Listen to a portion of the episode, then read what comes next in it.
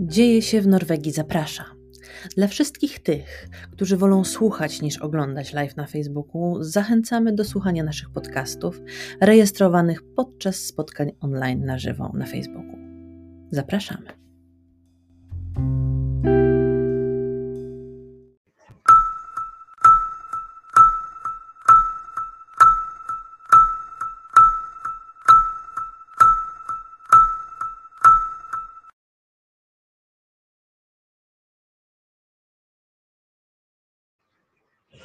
Dzień dobry, witam serdecznie. E, moim gościem dzisiaj jest e, Katarzyna Przyłówska, Przyłuska-Kiszewska. Jest to prezes Fundacji Pro Mediation and Pro Wellness, a przy okazji pani adwokat i pani mediator. Pani Katarzyno. Dobry, witam Państwa bardzo serdecznie. Dziękuję, że zgodziła się Pani dzisiaj z nami być, bo chcemy porozmawiać o ważnych sprawach dla nas, Polaków, którzy w tej chwili nie mogą jechać do Polski, e, a mają bardzo ważne sprawy do załatwienia urzędach polskich. Dzisiaj sobie porozmawiamy o e-sądzie. Co to w ogóle jest za pomysł? Rozumiem, że wszystko jest w internecie, teraz spotykamy się y, nie na kawie, a na Teamsie, mamy spotkania nie w biurze, a na y, Zoomie, na Werebi. Mm, to znaczy, że sąd też możemy sobie tak o w internecie pogadać z sędzią? No, to, to do końca nie jest e-sąd, ale postaram się przybliżyć Państwu, jakie sprawy w Polsce można y, załatwić w e-sądzie, czyli internetowym sądzie. Dlaczego to się nazywa e-sąd? Ponieważ pełna nazwa to jest elektroniczne postępowanie upominawcze, czyli tu już nam się ogranicza ta, y, ten rodzaj spraw. Ten sąd znajduje się fizycznie w Lublinie i to jest jeden, jedyny wydział, który w Polsce zajmuje się załatwianiem spraw y, o zapłatę. To są tylko sprawy o zapłatę przez internet. Jest to y, o tyle dobre rozwiązanie, że y, strona, która wnosi pozew, może wszystko wypełnić samodzielnie, nie potrzebuje mieć pełnomocnika do tego, bo to jest właściwie ta procedura nie jest zbyt skomplikowana. Oczywiście jest tam szereg tabelek i różnych formularzy, które trzeba uzupełnić, ale generalnie mm, strona może wnieść sama przez internet pozew, gdzie wpisuje po prostu w poszczególnych rubryczkach, kogo pozywa, o jaką kwotę i dlaczego chce tą osobę pozwać i nie dołącza do żadnych dodatkowych dokumentów, tylko je opisuje, czyli nie dołącza faktur, nie dołącza umów, nie dołącza zdjęć y, czy jakichś innych y, dokumentów korespondencji, tylko je po prostu w punkcikach opisuje. I jeżeli mm, złoży to y, prawidłowo, to system ją poprosi o to, żeby opłaciła opłatę, którą tam trzeba wyliczyć, i to elektroniczne postępowanie upominawcze się rozpoczyna. I na czym to polega? To znaczy, jeżeli. Y, tylko powiem tak, że jeżeli, jeżeli te dokumenty y, są w porządku, czyli z formalnego punktu widzenia jest strona prawidłowo wskazana, jest kwota, jest wszystkie te elementy pozwu, są to po prostu wydany jest elektroniczny nakaz zapłaty. I to działa tak jak normalny nakaz zapłaty, skoro nie musieliśmy załączać y, faktur, dokumentów? No to jest właśnie dobre pytanie, bo to jest tak, że on będzie działał tak jak normalny wyrok, jeżeli w ciągu dwóch tygodni od jego doręczenia drugiej stronie, czyli temu pozwanemu, temu, kto ma zapłacić, ta osoba nie złoży sprzeciwu. I tutaj zaczynają się schody, ponieważ y, póki co y, ten system działa w ten sposób, że y, nawet jeżeli wskażemy adres mailowy pozwanego, to nadal ten sąd lubelski będzie wysyłał zwykłą pocztą do tego pozwanego e, ten dokument elektronicznego nakazu zapłaty. Mimo, że my wszystko robimy w internecie, do tej pory oglądamy dokumenty, sprawdzamy, wszystko robimy na platformie, to sąd wyśle do niego zwykłą pocztą ten dokument elektroniczny. I jeżeli ta osoba odbierze ten dokument i się nie sprzeciwi, czyli nie złoży tego sprzeciwu w formie pisemnej, albo mailowej, też może mailowej, to rzeczywiście ma to skutek y, prawomocnego wyroku. Więc to jest zakończone postępowanie. Ale jeżeli złoży sprzeciw, i tu, to wtedy cała sprawa ląduje y, w sądzie właściwym, czy już nie w tym Lublinie, tylko ląduje w sądzie właściwym dla pozwanego do tego, żeby go normalnie pozwać i zaczynamy sprawę od początku. E, w tym sensie od początku, że wtedy powód, czyli ta osoba, która składa, musi do sądu dosłać wszystkie te załączniki, jeszcze raz wydrukować ten pozew. Już nic nie zmienia w samym pozwie, tylko po prostu drukuje to, podpisuje i wysyła. I sprawa zwykle normalnego i to, wtedy trafia to w normalny tryb, normalny bieg. Natomiast jeżeli dłużnik tutaj w tym wypadku się nie sprzeciwi e, mailem, słuchajcie, warto odbierać maile, czy też e, nie odbierze. E, nie, nie, nie sprzeciwi się, nie sprzeciwi się pocztą albo mailem, bo on musi najpierw to fizycznie dostać. Więc on musi to z poczty odebrać, i mhm. się sprzeciwić. Jeżeli nie odbierze z poczty, to co wiemy y, z procedury cywilnej, że jeżeli ktoś pod adresem zameldowania, tym adresem, który ma w PESEL-u, nie odbierze korespondencji, to w jakimś zakresie można uznać ją za doręczoną. No i teraz oczywiście to jest pytanie, w jakim zakresie. Jeżeli powód, czyli taka osoba, która składa, udowodni, że ta osoba tam mieszka i po prostu nie podjęła korespondencji, to ten nakaz się uprawomocni i możemy się dowiedzieć dopiero o egzekucji od komornika. Jasne, czy takim dowodem, że ktoś tam mieszka, to wystarczy, że to jest wypis z PESEL-u właśnie? Tak. Okej, okay, jeżeli... To jest do, na, na, na polskie stosunki takim dokumentem, który potwierdza, że ktoś gdzieś mieszka, jest jego, jego zgłoszenie y, zameldowania z zamiarem pobytu na, y, stałego i to jest dokument z PESEL-u. Więc jeżeli jest problem polegający na tym, mówimy o osobie fizycznej teraz, jeżeli jest problem polegający na tym, że nie możemy danej osobie czegoś doręczyć, to sąd będzie zwracał się o to do powoda, czyli do tego, który składa. Proszę mi przedstawić jakiś dokument, że ta osoba tam mieszka. Jeżeli ktoś się nie wymeldował albo się nie przemeldował gdzieś indziej i nie ma takiej adnotacji, to jest domniemanie, że on tam mieszka. I to samo będzie ze spółkami. Jeżeli spółka ma e, w KRS-ie, czyli w Krajowym Rejestrze Sądowym, siedzibę wpisaną przy ulicy Puławskiej, 10, a nawet się przeniosła dwa lata temu, to nadal ta Puławska 10 przysłowiowa będzie tą siedzibą, gdzie będzie uznane za doręczone. Jasne. Jakie sprawy w takim e-sądzie możemy, jakie sprawy w takim e-sądzie możemy rozstrzygać? Tylko no, przykładowo, jakie? O zapłatę. Przykładowo są to każde sprawy o zapłatę. Powiedzmy, że mamy niezapłaconą fakturę za telefon, może to być niezapłacona faktura za energię elektryczną, może to być niezapłacona faktura między różnymi przedsiębiorcami, nie tylko z dostawcami usług y, komunalnych, nazwijmy to tak. Może to być również jakaś y, y, należność z umowy. Na przykład może być to umowa najmu, brakuje e, iluś tam czynszów, umowa się zakończyła, coś jest nierozliczone. Wszystko, co jest e, określone jako wyrok nakazowy, nakaz zapłaty dotyczy kwoty jakiejś, czyli wszystkie pieniężne roszczenia. E, Alimenty I, też? No takie, nie, alimentów nie. To jest postępowanie nakazowe. Czyli w postępowaniu nakazowym, tak jak mówią przepisy, to są roszczenia pieniężne, ale nie cywilne, ale nie, e, to jest nie między małżonkami.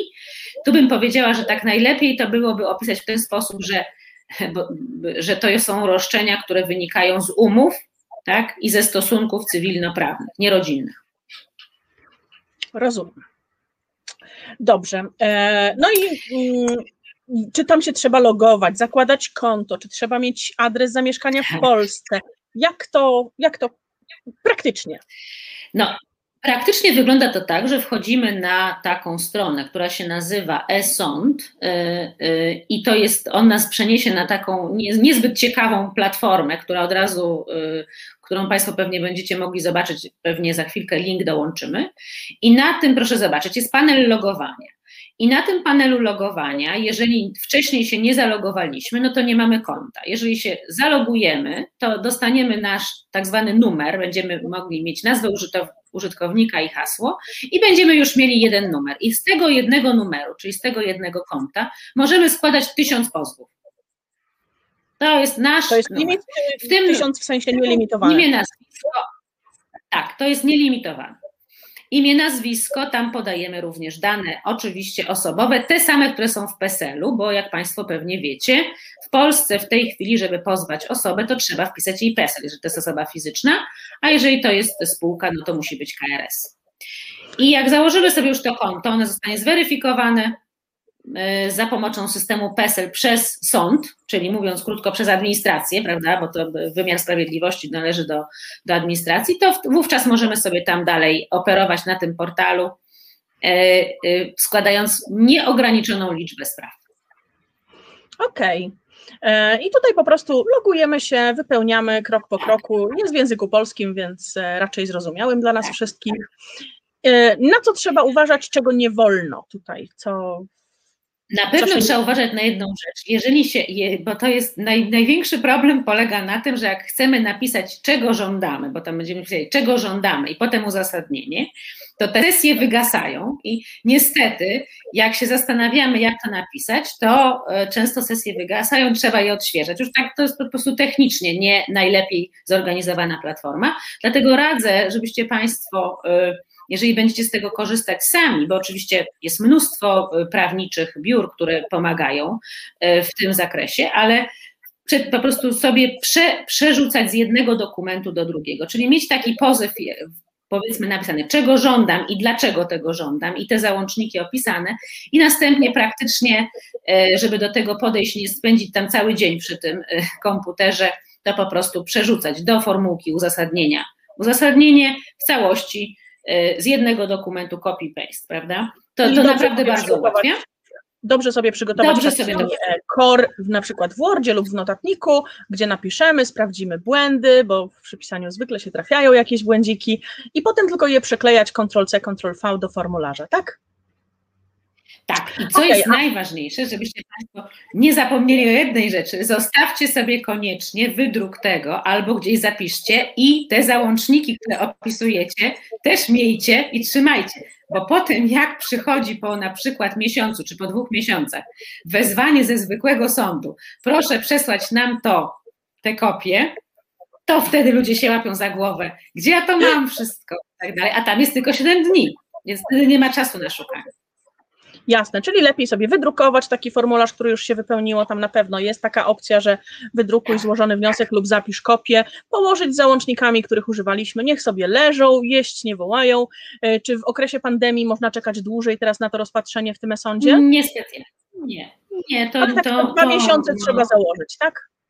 Myślę, że maksymalnie dwa miesiące. Czasem zdarzają się naprawdę bardzo szybko. Jeżeli to jest dobrze napisane i wymaga mało weryfikacji, to nakazy są wydawane bardzo szybko.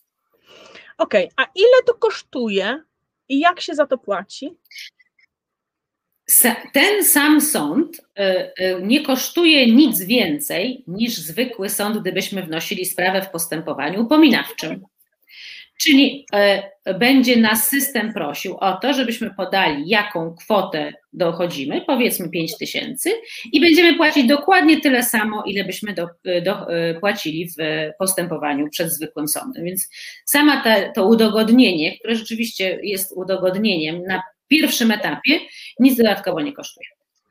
Okej. Okay. E, w jaki sposób opłacamy ten pozew? Opłacamy to przelewem i ten przelew jak ląduje już y, zapłata jest y, wykonana, bo tam system nam pokaże, że czeka na zapłatę. Jeżeli zapłata, wpłata będzie wykonana, to wtedy skutecznie ten pozew pokaże nam się jako pozwy wniesione. Okej. Okay. Czy możemy zapłacić z zagranicznego banku? Tak, nie ma żadnego problemu, można zapłacić z zagranicznego banku y, i tylko być może będzie to szło troszeczkę dłużej, natomiast to, się nam, to już nam system pokaże. Pozwy złożone, pozwy złożone, pozwy opłacone. Rozumiem. I to e, będzie oznaczało pieniądze wpłynęły. Czy w takim razie też powinniśmy zachować potwierdzenie opłaty? Będzie nam ono e, potrzebne? Niekoniecznie. Nie, potwierdzenie opłaty nie, dlatego że już sam fakt, że nam się to pojawi w sądzie, e-sądzie, jest dowodem na to, że dobrze opłaciliśmy. Tam nie może być błędu w opłaceniu. Jeżeli będzie błąd w opłaceniu, to nie będziemy mieli tego pozwu jako złożonego i opłaconego. Natomiast Rozumiem. może ten, ten dokument może nam być potrzebny, e, jeżeli byśmy chcieli sobie jakieś koszty prowadzenia sprawy przeciwko naszemu dłużnikowi kiedyś rozliczać, prawda? No tak, logiczne, zachowujemy wtedy takie coś. Czy zdarzyło się Pani, że na przykład ta opłata się zgubiła, nie zaksięgowała poprawnie, bo szła z zagranicznego banku? Nie zdarzyło mi się coś takiego. Jedyny, tak naprawdę powiedziałabym tak, jedyny problem, jaki ja widzę z tymi sądami, to jest taki, że jeżeli ten sprzeciw jest złożony pocztą zwykłą i, sprawia, tra, i sprawa trafia do zwykłego sądu, czyli ten sąd w Lublinie przesyła ją do Zgierza, do Warszawy, do Poznania, do Szczecina, to zwykle to zabiera dużo czasu i wtedy możemy stracić stracić no, dobrych kilka miesięcy, jak nie nawet pewnie do, do roku czasu na to, żeby te procedury mm, wewnętrzne w wymiarze sprawiedliwości się odbyły. To jest duży minus tego sądu. No ale też jest wiele osób, które bardzo skutecznie, szybciutko dochodzą roszczeń, więc y, no tutaj trzeba wyważyć, prawda? Jeżeli mamy pozwanego, który wiemy, że na pewno będzie się sprzeciwiał i na pewno wszystko napisze, tak, przeciwko nam, no to nie ma sensu tam tego składać, bo mamy małą szansę, żeby, y, żeby się obronić w tym elektronicznym postępowaniu upominawczym. Dobrze. A co z takimi innymi sprawami?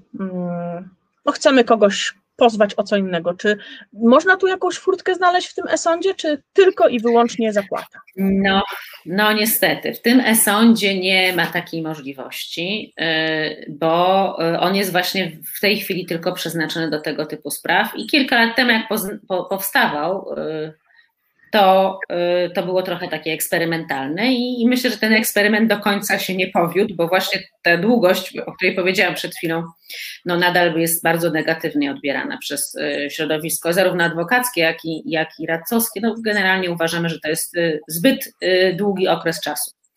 Natomiast no, do, norm, do normalnego sądu, i póki co, według polskiej procedury, pozwać nikogo nie można za pomocą internetu. Rozumiem. A tutaj na Także stronie. Wtedy... Na stronie tego sądu znalazłam taką informację: złożenie wniosku do komornika. A, Czy już mamy. Tego, mhm, możemy też złożyć wniosek do komornika? Tak, tylko że musimy mieć właśnie ten elektroniczny nakaz e, zapłaty. Czyli krok tam, po kroku. Czyli, jak, jak, tak, jakby nam się nie odwołał pozwany, to tak, ale jeżeli nam się odwoła, no to cała sprawa że tak powiem, upada. Można powiedzieć, że ten nakaz upada, czyli on traci ważność i rozpoczynamy sprawę od początku w normalnym sądzie. Rozumiem. Z Pani doświadczenia, warto, nie warto? To znaczy tak, Proszę Państwa, ja uważam, że jeżeli, e, jeżeli jest rzeczywiście to, ten dług i, i on jest należny i mamy korespondencję powiedzmy z naszym dłużnikiem, że on nie może zapłacić, bo ma jakieś problemy, e, ale, ale generalnie przyznaje w jakiejś tam części, że, że to, e, że jest nam winien, i mamy dokumentację, z której wynika, że na przykład umowa została wykonana, tak jak telefon, czy, czy, czy nie wiem, czy komuś coś pożyczyliśmy jakieś pieniądze, czy umowa najmu, czy też umowa na przykład o świadczenie usług, to jak najbardziej polecam, dlatego że to już przechodzi pierwszą weryfikację. Mamy to wszystko przygotowane. To kosztuje trochę taniej, bo to jest jedna czwarta tylko tego normalnego wpisu sądowego.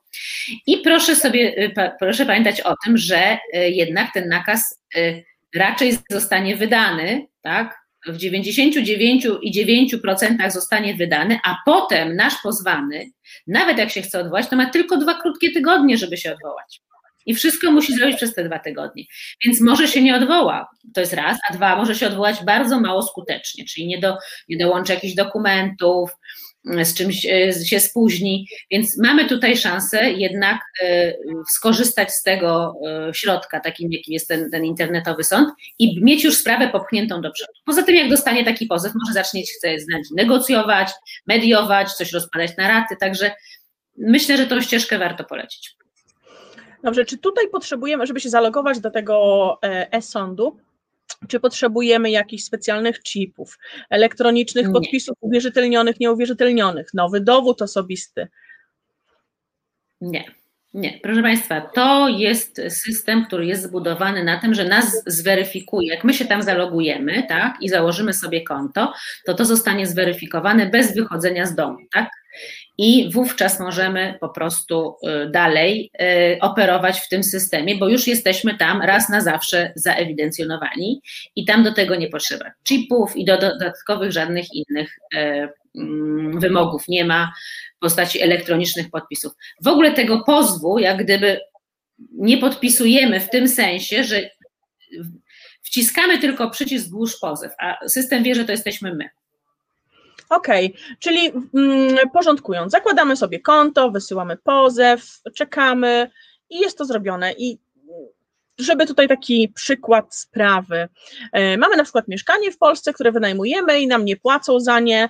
E, to nie musimy jechać do Polski w tej chwili, nie musimy się stresować, że oj, czeka mnie wyjazd, po prostu wchodzimy, zakładamy konto, logujemy się i wzywamy naszych dłużników do zapłaty. Jedyny warunek, z tego co usłyszałam, musimy znać PESEL dłużnika. Znaczy, proszę Państwa, jeżeli mamy umowę najmu, tak, i nam osoba nie płaci, i wzywamy tą osobę do zapłaty, no bo musimy, tam mamy te dwa okresy, tak, nie możemy jej wypowiedzieć tej umowy, ale możemy ją zawsze wzywać do zapłaty. Jeżeli ta osoba nam nie płaci i odpisze nam coś, tak, że jej się nie należy, ale mamy dokument, że ona mieszka, no to ten dług w postaci najmu, czynszu najmu, jest wymagalny, tak? Od pierwszego, od piątego, od dziesiątego, w zależności od tego, jak mamy. Więc nie musimy jechać do Polski. Możemy po prostu w czasie trwania tej umowy najmu za czynsze zaległe pozwać taką osobę. I dostanie nakaz zapłaty. Jest naszym dłużnikiem, bo mieszka w naszym mieszkaniu, nam nie płaci. Nie musimy czekać, aż się skończy umowa najmu. Mhm, Okej, okay. czyli wszystko jest e, możliwe do zrobienia z naszego fotela, niezależnie gdzie mieszkamy, czy tu w Norwegii, czy gdzieś tam e, za kołem podbiegunowym, czy też na drugiej stronie półkuli. Dostęp do internetu, logujemy się. No, ciekawa sprawa, polski sąd w internecie. Tak, ale jak, jak powiedziałam, tylko w, nie, w, nie, w, w, określonych typach spraw. Choć muszę Państwu powiedzieć, że ja na przykład w zeszłym roku, czy dwa lata temu, pozywałam osobę o odszkodowanie z tytułu właśnie bycia w lokalu już po wygaśnięciu stosunku najmu. Czyli osoba powinna być w lokalu powiedzmy do 1 maja, nie wyprowadziła się 1 maja i siedziała w lokalu jeszcze kolejne miesiące. I za to została pozwana do sądu, y, właśnie e-sądu, czyli do, y, do tego sądu internetowego, nazwijmy go tak. I sąd na podstawie dokumentów, które były przedłożone, ja poprosiłam, żeby sąd zasądził te same pieniądze, które by płaciła, gdyby miała normalną umowę. Uznałam, że to jest odszkodowanie za bezumowne korzystanie. Nie 200%, tylko tyle samo. I sąd to zasądził. I doręczył ten nakaz zapłaty tej osobie, i ta osoba się odwołała od tego, skutecznie w tym sensie, że sprawa trafiła do sądu pierwszej instancji, ale nie, nie, nie mogła się już obronić, bo nie miała żadnych argumentów. No Także tak. szybciutko został wydany wyrok przez sąd pierwszej instancji i mamy zresztą też, to jest dobry sposób na to, żeby nam się nic nie przedawniło, prawda? Bo mamy w polskim systemie krótkie, dosyć skrócone w każdym razie terminy teraz przedawnienia, więc jeżeli chcemy y, przerwać termin przedawnienia, to możemy y, na przykład właśnie kogoś pozwać do sądu, ale oczywiście też możemy spróbować negocjować. Jeżeli wszczniemy mediację, to też się przerywa okres przedawnienia. A okay, mediację też możemy, jak Państwo z internet robić, tak. Bardzo dobrze wiedzieć, czyli nie musimy się tutaj głowić, jak znaleźć adwokata szybciutko. Możemy napisać do mediatora, e, rozpoczynamy, blokujemy ten czas e, upływu przedawnienia lub też składamy wniosek do e-sądu i też blokujemy ten czas upływu przedawnienia. To jest bardzo wygodna procedura, dlatego że jak Państwo wiecie, teraz większość usług e, mediacyjnych, takich ośrodków, czy, no, które no powiedzmy współpracują z sądami, czy mediatorów, którzy współpracują z sądami, są przeniesione do internetu. Tak można to robić, nie ma żadnego przeciwwskazania. W związku z tym wystarczy, jeżeli mamy dłużnika, którego chcemy pozwać do sądu w przyszłości, albo chcemy w każdym razie ten, tą sprawę rozwiązać, możemy napisać do mediatora maila, czy zadzwonić nawet, że chcemy taką i taką osobę zaprosić na mediację, czyli mówiąc krótko, wezwać do mediacji i yy, przez mediatora tą osobę wzywamy do mediacji, rozpoczyna się procedura mediacyjna i to też już przerywa bieg terminu przedawnienia. Czy już nam się to roszczenie nie przedawni. I proszę Państwa, to jest o tyle że jak Państwu się kończy termin, a jesteście za granicą i się boicie, że coś Wam się skończy, tak, że coś Wam się przedawni, że coś y, umknie, tak, bo te terminy teraz się pozmieniały, to warto jest y, zerknąć do tych umów czy do tych zobowiązań, które mają być, miały być zapłacone i nie zostały zapłacone i odłożyliśmy je, ale bo, bo, bo kiedyś było 10 lat, kiedyś się mówiło spokojnie, to tam zawsze 10 lat to zawsze jakoś tam się to w przyszłości zrobi, to warto zerknąć i poszukać mediatora właśnie, który może Państwu pomóc e, przenegocjować, przemediować taką sprawę. Hmm, to są bardzo, bardzo potrzebne nam informacje, abyśmy nie musieli się stresować i pędzić teraz e, w czasie tej pandemii, przekraczać, zwłaszcza teraz, kiedy u nas w Norwegii zamknięto granice. To takie, ojej, co teraz? Jak w puszce się czujemy? A tak z punktu widzenia adwokata, to jest ok? Taki pozew, taki, żeby, żebyśmy sobie sami robili? To ma sens? To znaczy, proszę Państwa, jeszcze jest zawsze, zawsze jest taka możliwość, że jeżeli współpracujecie z adwokatem czy z radcą prawnym, to nie musicie się stawiać y, w danym kraju w sądzie. Możecie przez internet czy nawet telefonicznie udzielić y, pełnomocnictwa do reprezentowania Was w sądzie, ponieważ adwokat i radca prawny mają uprawnienia do tego, żeby potwierdzić taki, taką czynność przed sądem.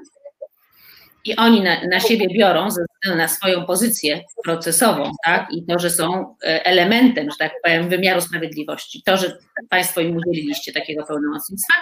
I oni mogą w ramach swoich kompetencji złożyć w Państwa imieniu pozew do sądu i nie musicie być na miejscu, przelew możecie zrobić za granicą, oni mogą za Was podpisać to jako Wasi pełnomocnicy procesowi, także tutaj też zachęcam do tego, że jeżeli obawiacie się, że czegoś nie zdążyliście zrobić albo nie wiadomo jak długo będzie trwał lockdown, to prawnicy, y, którzy występują przed sądem, mogą Was reprezentować, nawet jeżeli jesteście za granicą i nigdy tej osoby nie widzieliście na oczy, tak? nie spotkaliście się z nią w kancelarii, nie byliście w Polsce. Dokumenty też adwokat może świadczyć za zgodność, więc on weryfikuje, czy te dokumenty są wystarczające, żeby je złożyć w postępowaniu.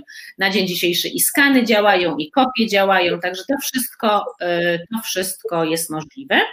Natomiast co jest nowością, bardzo jeszcze rzadko się zdarza, ale już się zdarza, że może być tak, że może być rozprawa prowadzona przez internet. Czyli samo przesłuchanie. Okej. Okay. Polska 2021. Pięknie, pięknie, podoba mi się. No ale jak podpisać takie upoważnienie dla adwokata, yy, mieszkając za granicą? Mogę sobie po prostu wziąć kartkę, zrobić, podpisać, napisać i wysłać zdjęcie. Będzie ona honorowana przez sąd? Proszę Państwa, e, ponieważ jeżeli jestem obywatelem polskim, e, to e, to, gdzie przebywam, nie ma takiego znaczenia. Znaczenie ma to, że ja podpiszę ten dokument, to jest pełnomocnictwo, najczęściej adwokat wystawia takie pełnomocnictwo, Państwu przesyła, to wygląda tak, jak ja to robię. Na przykład, ja mam druk pełnomocnictwa, Mój klient mówi mi, który mieszka za granicą, swoje dane, sprawę, numer sprawy, czy też o co chce, żebym pozwała jego przeciwnika. Ja wysyłam y, tej osobie skan, skanem taki dokument, osoba sobie wypeł, wydrukowuje, wypełnia, podpisuje się imieniem i nazwiskiem, podaje mi tam swoje dane osobowe, te, które mnie interesują, czyli to jest najczęściej właśnie PESEL, i odsyła mi skanem, i ja, i, i, a równocześnie wkłada w kopertę i może mi wysłać y, dodatkowo, żeby nie zgubić tego, tak, ten oryginał, który może sobie iść miesiące całe, dlatego że jeżeli ja wiem, że ta osoba mi udzieliła pełnomocnictwa, to ja sądowi to składam i ja poświadczam, że ja jestem od tego dnia pełnomocnikiem tej osoby. Czy potrzebny jest notariusz e, do takiego upoważnienia?